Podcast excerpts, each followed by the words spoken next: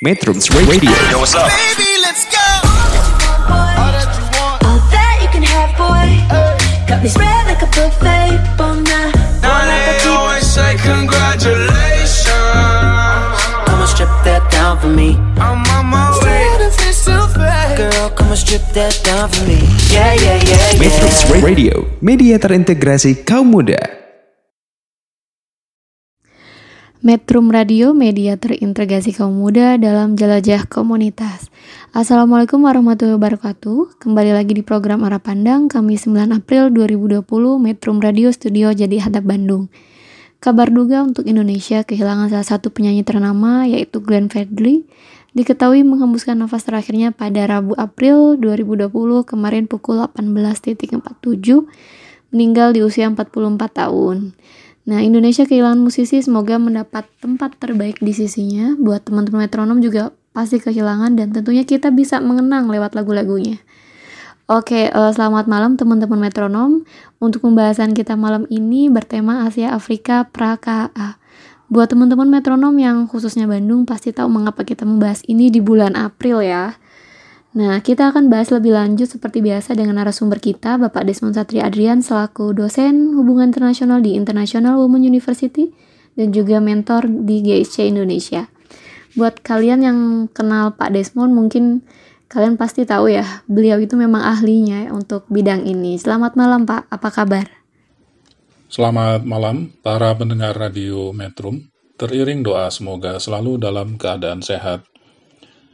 Eh, Pada edisi Kamis petang tanggal 9 April 2020 kali ini, Arah Pandang akan membahas sebuah tema yang terkait dengan peristiwa besar di bulan April di Indonesia, khususnya di kota Bandung. Apa itu? Peringatan 65 tahun Konferensi Asia Afrika. Sebab itu, tema petang ini adalah Asia Afrika pra Konferensi Asia Afrika. Eh, Memang peringatan ini eh, biasanya digelar selama satu pekan penuh dari tanggal 18 hingga 24 April dan eh, setiap lima tahun sekali biasanya diperingati secara internasional. Tapi sebelum kita lebih jauh melihat apa itu konferensi Asia Afrika, ada hal yang paling mendasar untuk mengetahui bagaimana keadaan di kawasan Asia Afrika ini sebelum muncul gagasan konferensi Asia Afrika. Nah, melalui tema ini, kita akan bersama-sama melihat situasi kawasan di Asia Afrika jauh sebelum gagasan ini bergulir. Harapannya dengan mengetahui situasi di kedua kawasan ini di masa sebelum bergulirnya gagasan konferensi, eh, para pendengar Radio Metro bisa memahami eh, betapa penting dan strategis peristiwa ini di kemudian hari, ah, tentu saja bagi masa depan bangsa kulit berwarna dan sekaligus keberlangsungan perdamaian dunia. Nah, untuk itu, eh, seperti biasa dalam acara arah pandang dalam sesi pengantar, kami ingin menyampaikan beberapa panduan yang akan digunakan dalam perbincangan petang ini supaya lebih mudah memetakan situasi di Asia dan Afrika di masa kolonial. Apa saja eh, poin-poin itu yang akan digunakan sebagai panduan? Yang pertama adalah mengapa muncul kolonialisme dari Eropa. Yang kedua, apa pemicu munculnya gagasan kolonialisme itu? Dan yang ketiga, mengapa baru muncul gagasan kolonialisme itu di Eropa sekitar abad ke-15? Dan yang terakhir, mengapa dalam kolonialisme kawasan Asia dan Afrika serta Amerika Latin yang menjadi incaran paling utama? Nah, hal-hal inilah yang nanti akan kita obrolkan dalam satu jam ke depan. Hal-hal ini yang nanti dikupas lebih lanjut dalam sesi-sesi berikutnya. Selanjutnya, saya kembalikan lagi kepada Mbak Dian. Silakan. Oke, sudah sedikit pengantar ya, dan kita akan bahas lebih rinci. Jangan ke mana-mana, tetap di Metrum Radio, media terintegrasi kaum muda dalam jelajah komunitas. Metrums Radio, media terintegrasi kaum muda.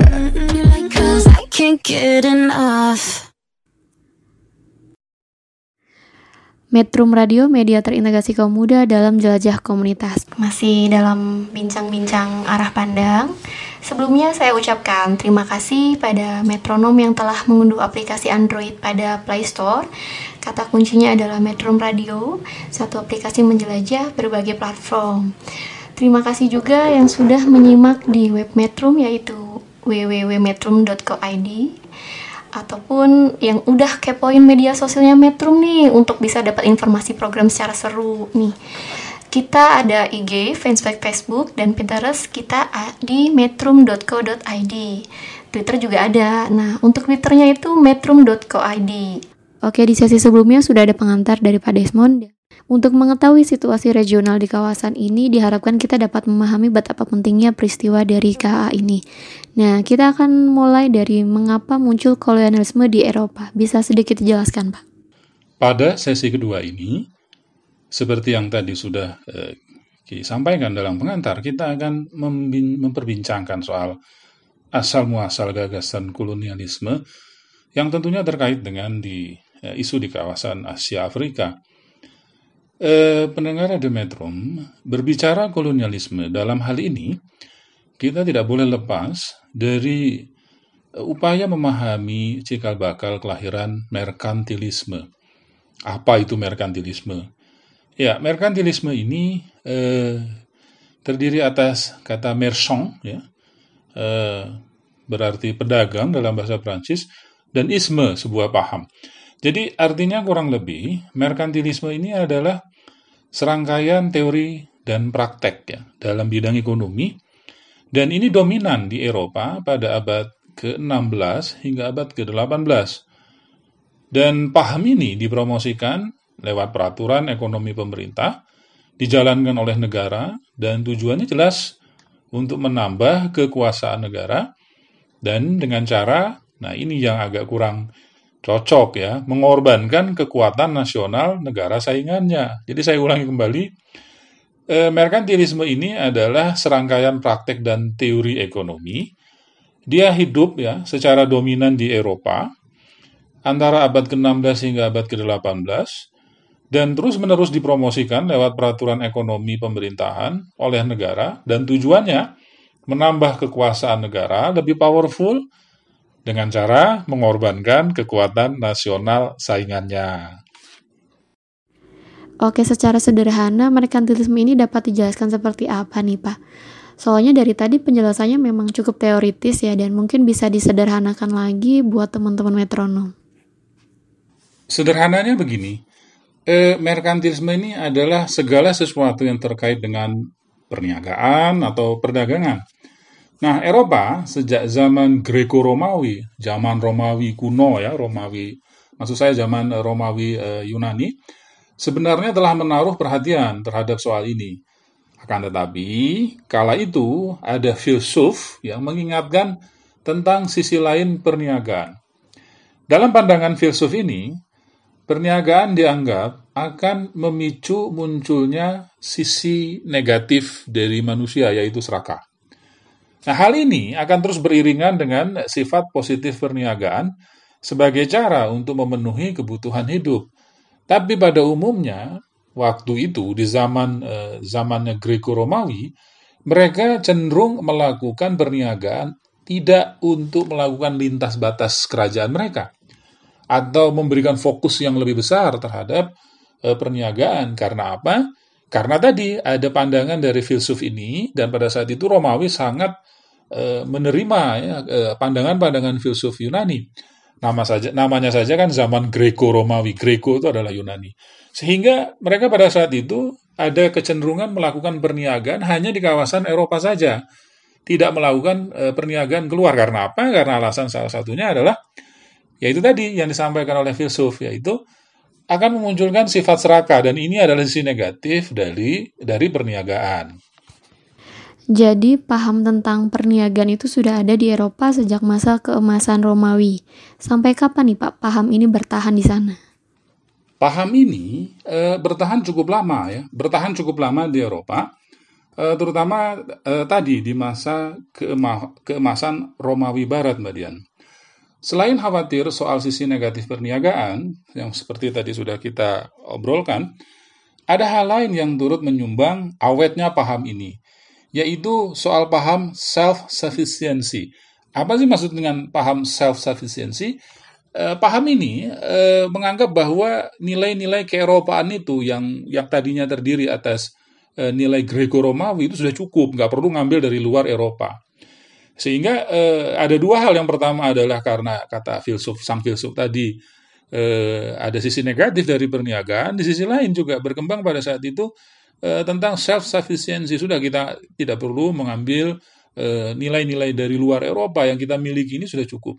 Nah, paham inilah eh, meyakini bahwa eh, perniagaan akan mengundang hal-hal buruk masuk ke Eropa Sebab apa ya? Karena melalui perniagaan itu, Laut Eropa akan terbuka bagi para pedagang luar. Nah, sebab itu dengan prasangka soal ancaman yang diperkirakan akan datang ke Eropa melalui laut sebagai jalur perdagangan internasional, mereka meyakini bahwa nilai-nilai Eropa sudah cukup dan tidak perlu nilai-nilai baru dari luar yang mereka yakini belum tentu sesuai dengan nilai-nilai Eropa yang diyakini kala itu. Uh, apa ini biasanya bagi teman-teman yang eh, pernah mendengar Eurocentrism, nah, ini adalah salah satu poin yang biasanya di, di, disampaikan dalam dalam studi Eurocentrism. Jadi kalau saya ulangi lagi Mbak Dian bahwa eh, ada dua paham ini, ada paham khawatir sisi negatif dari perniagaan, dan yang kedua adalah menganggap bahwa eh, nilai-nilai Eropa sudah cukup, tidak perlu dari luar, yang disebut dengan self-sufficiency. Dan ini e, bertahan cukup lama ya, terutama di zaman masa kemas keemasan Romawi Barat. Oke, sedikit pertanyaan nih Pak. Mengapa nilai-nilai Eropa mereka perlakukan begitu luhur sehingga menolak berinteraksi dengan dunia luar di zaman Romawi Barat itu?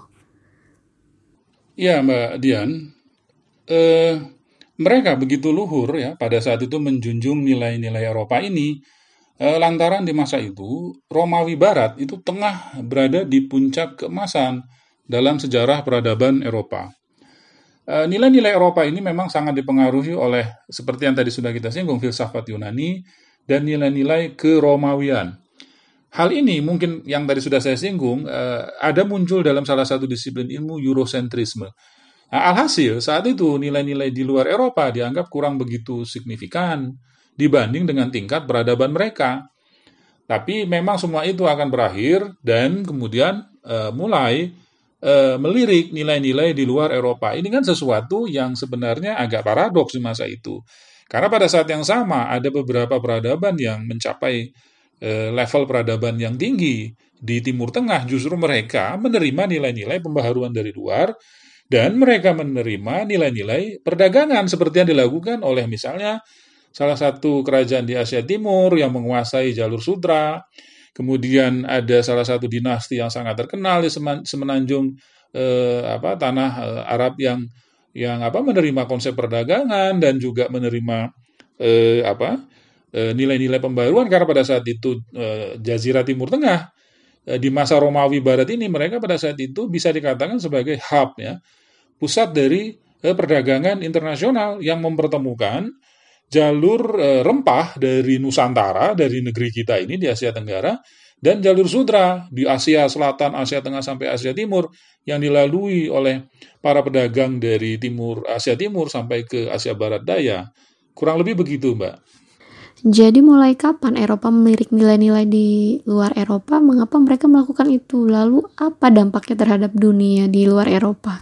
Iya, eh, Mbak Dian.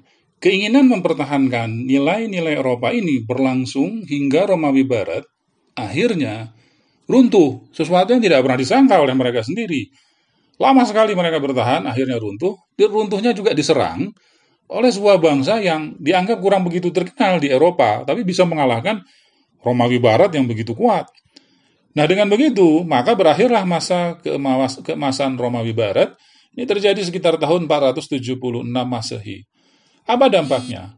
Setelah itu muncul Romawi Timur.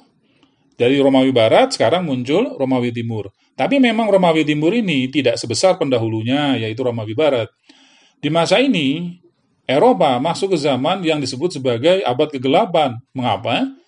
Karena pada saat itu, di zaman ini, di zaman Romawi Timur ini, ada eh, perilaku menutup diri makin dalam dari interaksi dengan dunia luar d- di Eropa.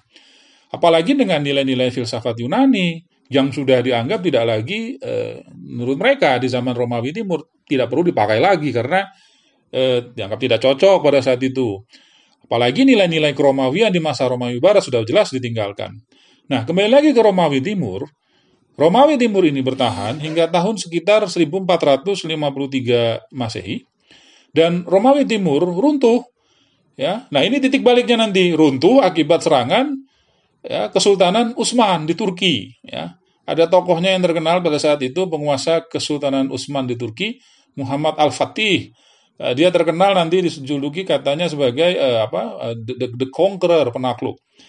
Eh, runtuhnya Romawi Timur ini akibat serangan Ottoman ini dikenal luas sebagai penaklukan Konstantinopel ya.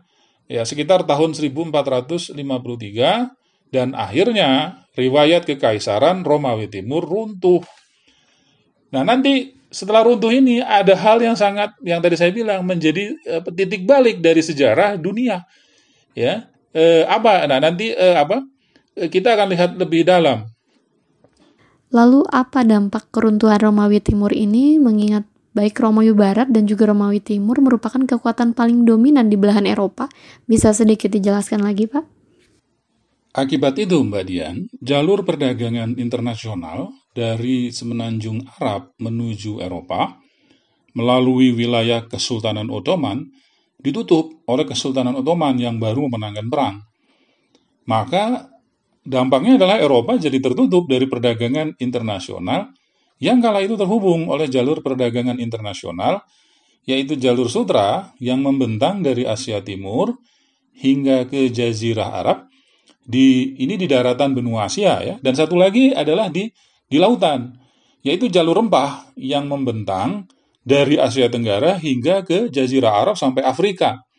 Jadi eh, eh, para pendengar Radio Metrum ingat-ingat bahwa sebelum ada eh, kolonialisme, dulunya adalah eh, jalur ekonomi dunia itu ya cuma dua itu tadi, yaitu jalur sutra dari Asia Timur, eh, China sekarang, eh, Korea Utara, Korea Selatan, Jepang, itu lewat daratan, lewat Asia Tengah, Asia Selatan, sampai ke Jazirah Arab. Dan yang kedua adalah jalur rempah. Kenapa disebut jalur rempah? Karena sebagian besar yang dibawa komunitas perdagangan internasionalnya adalah rempah-rempah. Dan ini membentang jauh ya dari Asia Tenggara di Indonesia saja sekarang itu eh, ditemukan di daerah Maluku sampai ke NTT karena kayu cendana juga dibawa sampai ke sana lewat jalur rempah-rempah. Nah, jalur rempah ini membentang dari dari Asia Tenggara hingga ke Jazirah Arab. Nah, alhasil karena perdagangan internasional di di Jazirah Arab tidak bisa diakses, tidak bisa didatangi oleh kerajaan-kerajaan Eropa, muncul Spanyol dan Portugis. Spanyol dan Portugis ini uh, berusaha mencari jalan terdekat menuju sumber-sumber barang perdagangan yang diperjualbelikan di pasar internasional di Jazirah Arab tadi melalui jalur sutra yang dibawa dari jalur sutra dan jalur rempah. Nah, perjalanan mereka ini yang nanti disebut dengan Age of Discovery.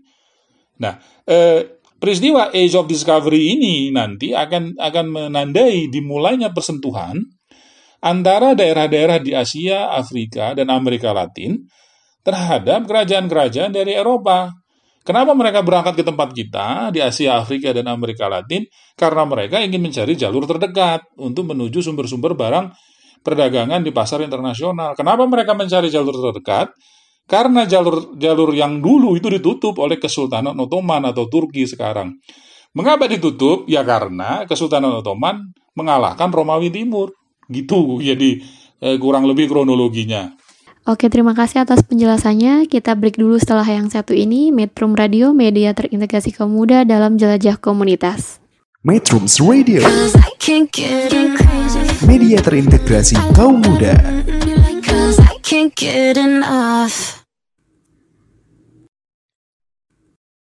Metrum Radio, media terintegrasi kaum muda dalam jelajah komunitas. Kembali lagi di program Arah Pandang, mau infoin buat teman-teman metronom yang nggak bisa dengerin kita secara langsung, boleh dengerin podcast kita lewat Spotify. Nah, pertanyaan juga nih buat teman-teman. So, jadi sudah tamat berapa buku kalian dan juga sudah tamat berapa podcast kita nih. Oke, langsung aja nih Pak lanjut ke pembahasan kita malam ini. Baik, di sesi ketiga ini, Mbak Dian, kita akan meninjau eh, kedatangan Spanyol dan Portugal. Eh, perjalanan Spanyol dan Portugal, eh, seperti yang tadi sudah kita eh, singgung, tujuannya jelas mencari jalur terdekat. Jalur terdekat untuk apa? Jalur terdekat ke sumber barang yang paling populer diperjualbelikan, diperdagangkan di Jazirah Arab kala itu. Ini yang menghantarkan mereka akhirnya menuju ke salah satu wilayah di Nusantara yang paling terkenal terkait dengan jalur rempah, yaitu Maluku. Jadi eh, mereka pada saat itu sama-sama mencari tujuan yang yang apa yang yang yang mereka butuhkan di dalam perdagangan jazirah di, di jazirah Arab dan itu tujuan akhirnya adalah Maluku. Bedanya adalah nanti ada yang satu berangkat ke arah barat, ada yang berangkat ke arah timur karena kedua-duanya pada saat itu eh, belum punya peta selengkap seperti sekarang. Nah, dalam perjalanan ini mereka menemukan banyak hal baru di lain tujuan utamanya mencari sumber rempah. Hal-hal baru di luar apa yang mereka yakini sekian lamanya sebagai self-sufficiency di bumi Eropa tadi bahwa nilai Eropa sudah cukup, tidak perlu mendapatkan nilai baru dari luar yang tadi di zaman e, Greco-Romawi. Nah, termasuk satu hal yaitu yang mereka baru sadari, bumi itu bulat. Kenapa? Karena kan selama ini mereka tidak pernah keluar karena e, pengaruh e, apa self sufficiency tadi nggak pernah keluar dari Eropa. Termasuk menyadari bahwa bumi itu bulat. Ya. Ini penemuan besar bagi mereka. Nah, keberangkatan misi Spanyol dan Portugal kala itu menuju ke Nusantara ya mau nggak mau diakui sangat beresiko. Karena pada umumnya sebagian besar mereka belum pernah tuh melakukan pelayaran sejauh itu, ya jauh banget loh ya dari dari benua Eropa sana sampai ke sini ke Asia Tenggara. Karena tujuannya adalah Maluku. Nah, salah satu yang mereka tidak kuasai saat itu jelas adalah soal peta bumi. Bahkan ada misi yang tersesat di benua Amerika lantaran peta yang dulu mereka miliki itu belum selengkap sekarang. Nah, tapi yang paling berpengaruh dari perjalanan kedua bangsa Eropa ini ke dunia timur tadi adalah lahirnya perjanjian Tordesillas. Nah, akibat perjanjian ini, dunia dibagi menjadi dua, seolah-olah hanya milik Spanyol dan Portugal. Saya percaya sebagian besar kita pernah mendengar perjanjian Tordesillas di sekolah, tapi sudah cukup lama. Nah, untuk menyegarkan kembali memori supaya lebih memahami isu ini nih Pak, mohon dijelaskan kembali soal perjanjian dari Tordesillas ini. Baik Mbak Dian, eh, perjanjian Tordesillas sendiri adalah suatu perjanjian yang eh, ditandatangani di Tordesillas, tempatnya sekarang di sekitar eh, Spanyol. Ini terjadinya sekitar bulan Juni 1494. Nah, perjanjian ini tadi eh, membagi dunia di luar Eropa menjadi dua wilayah eksklusif hanya untuk Spanyol dan Portugal. Jadi itu inti dari perjanjian Tordesillas. Nah, wilayah sebelah timur dimiliki oleh Portugis dan wilayah sebelah barat dimiliki oleh Spanyol. Timur timur eh, titiknya mana? Titiknya adalah di Tordesillas itu ya. Eh, eh perjanjian ini diratifikasi oleh Spanyol ya pada tanggal 2 Juli dan kemudian pada tanggal 5 September oleh Portugis tahun 1494.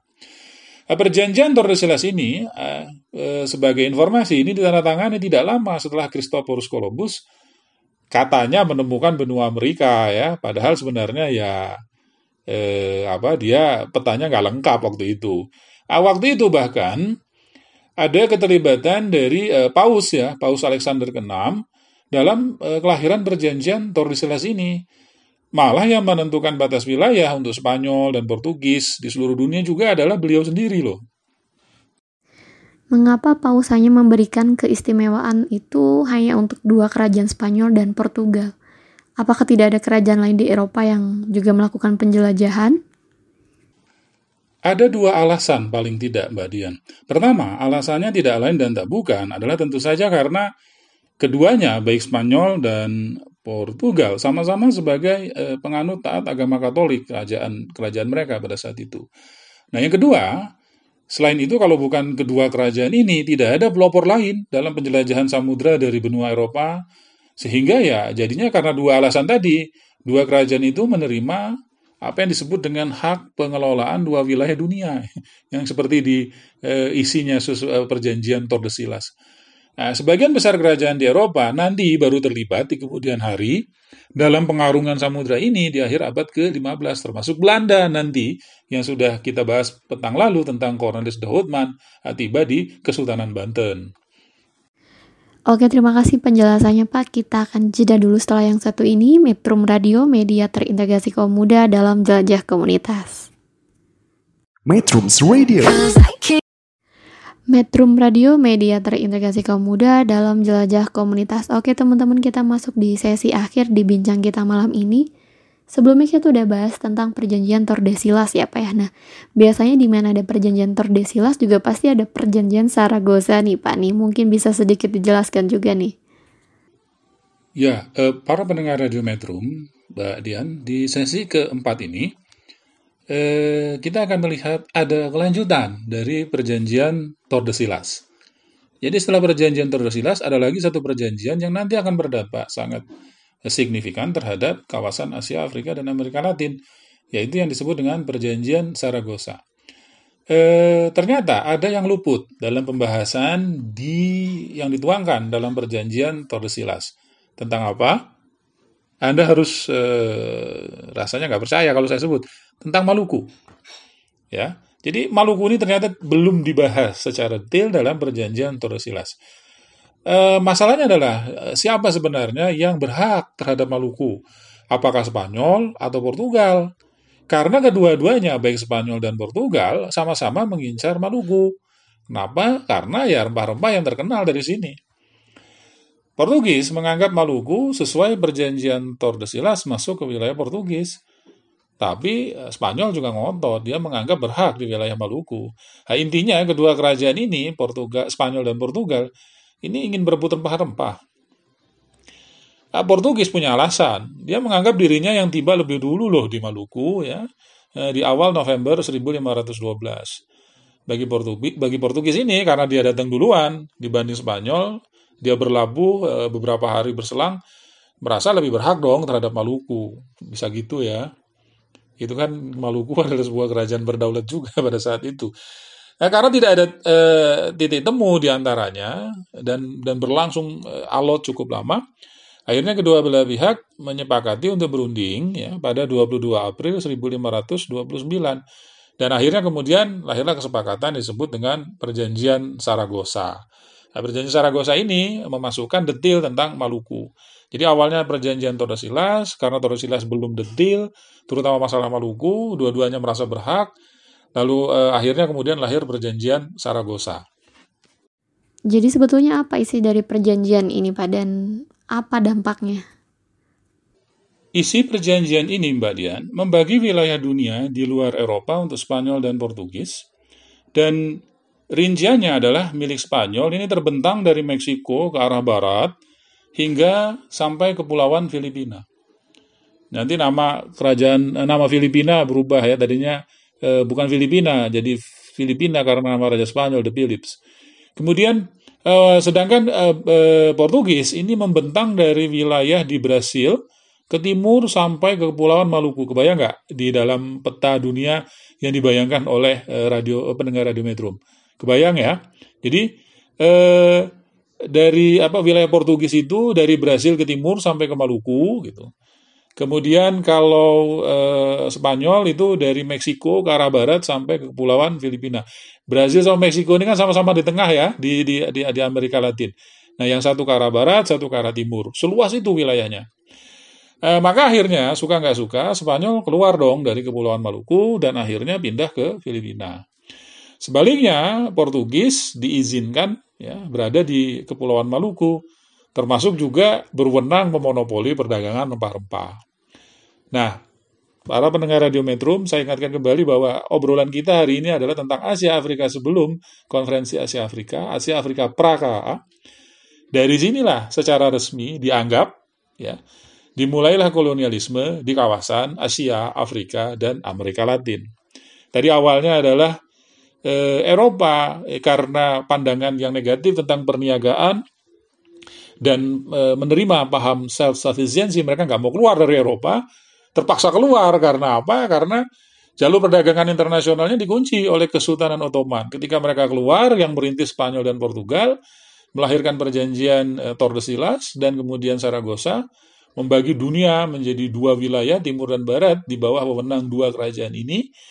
Dan di situlah dimulai eh, apa eh, cikal bakal kolonialisme di eh, Asia, Afrika dan Amerika Latin.